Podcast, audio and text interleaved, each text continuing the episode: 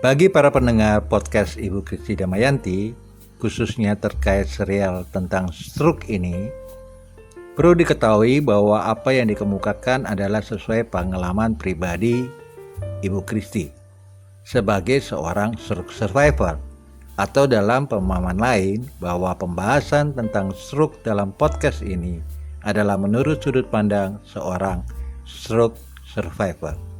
Selamat mendengarkan seberapa mematikannya dan akibat yang ditimbulkan oleh stroke. Beberapa referensi mengatakan bahwa sebagian stroke bersifat fatal, sementara yang lain bersifat cacat tetap atau sementara. Sekitar 10% yang mengalami stroke akan meninggal dalam beberapa waktu setelah diserang stroke, lalu meninggal juga pada waktu satu tahun setelah serang stroke atau selebihnya lagi 70% meninggal dalam waktu 10 tahun setelah serangan stroke. Semakin lama waktu berlalu setelah serangan stroke, semakin kecil resiko meninggal akibat stroke. Bagi penderita pasca stroke yang bertahan hidup dalam waktu satu tahun, berarti si penderita aman dari kematian karena stroke. Pada penderita pasca stroke, pendarahan otak atau pembuluh darah otaknya pecah seperti aku biasanya lebih baik daripada pendarahan pada batang otak. Sebagian besar penderita serangan stroke di batang otak atau talamus akan meninggal segera setelah serangan. Risiko meninggal segera setelah serangan stroke akut paling tinggi bagi mereka yang mengalami kehilangan kesadaran pada hari pertama, sehingga semakin dalam tingkat penurunan, penurunan kesadaran, semakin besar tingkat kematian.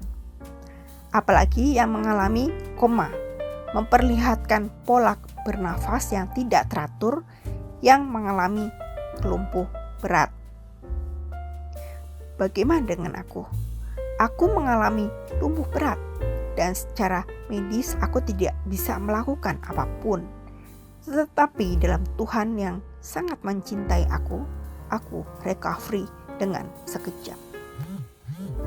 Dan resiko tersebut pun lebih tinggi dari mereka yang berusia lanjut dibandingkan kaum muda dan pada mereka yang mengalami tidak mengendal, tidak bisa mengendalikan metabolisme tubuhnya seperti membuang air atau terus-menerus menangis.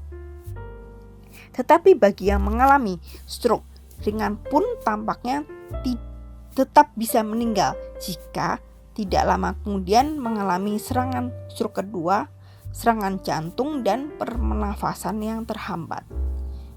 Dan komplikasi medis yang sering berpotensi menyebabkan kematian adalah bulan pertama setelah stroke yaitu pembengkakan otak yang menyebabkan tertekannya pusat-pusat vital di otak yang mengendalikan pernafasan dan denyut jantung, infeksi paru-paru, dan pembekuan darah di arteri jantung dan paru-paru.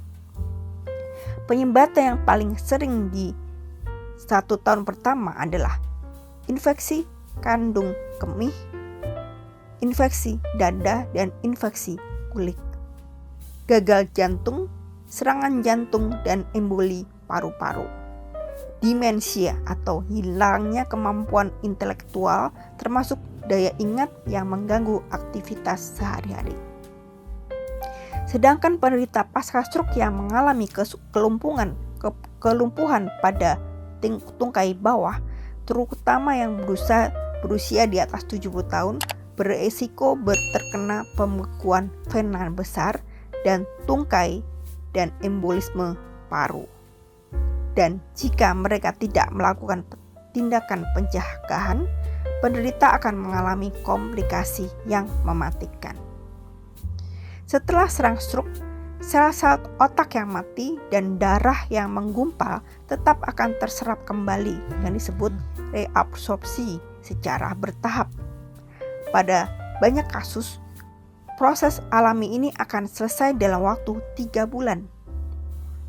pada saat itu justru pada penderita pasca stroke akan mengalami komplikasi yang dapat menyebabkan catat atau kematian. Beberapa gangguan yang dapat membuat penyandang pasca stroke menjadi depresi, cacat, atau kematian adalah penderita akan mengalami kelumpuhan, penurunan kekuatan lengan dan tungkai secara sementara atau kelumpuhan tetap. Penderita mengalami kebingungan bermasalah dengan kemampuan berpikir dan mengingat. Penderita mengalami menurunnya kemampuan untuk berbicara bahasa lisan, kesulitan untuk memahami tulisan, dan justru sama sekali tidak bisa bisa, bisa berbicara walaupun dia tetap mengerti bahasa lisan. Penderita mengalami kesulitan untuk menelan penderita mengalami penglihatan ganda. Penderita mengalami gangguan koordinasi dan orientasi. Penderita mengalami gangguan suasana hati termasuk depresi. Penderita sering mengalami sakit kepala yang berkepanjangan. Penderita mengalami gejala ayan atau epilepsi. Walaupun tidak semuanya dan bertahap aku bisa melakukan apa pun yang aku inginkan. Aku tetap berdoa untuk recoveryku sampai Tuhan menyembuhkan aku. Apa pun yang aku lakukan dalam penyembuhanku, aku tetap percaya bahwa aku bisa bangkit lagi. Stroke memang mengerikan. Apa pun itu, stroke memang bisa membuat si penderita depresi. Dan kematian akibat stroke bisa mengakibatkan gangguan sosial bagi keluarganya. Sehingga dengan kita tahu bahwa stroke itu memang mengerikan, aku berharap sahabat-sahabatku tidak akan mengalami keadaan seperti aku.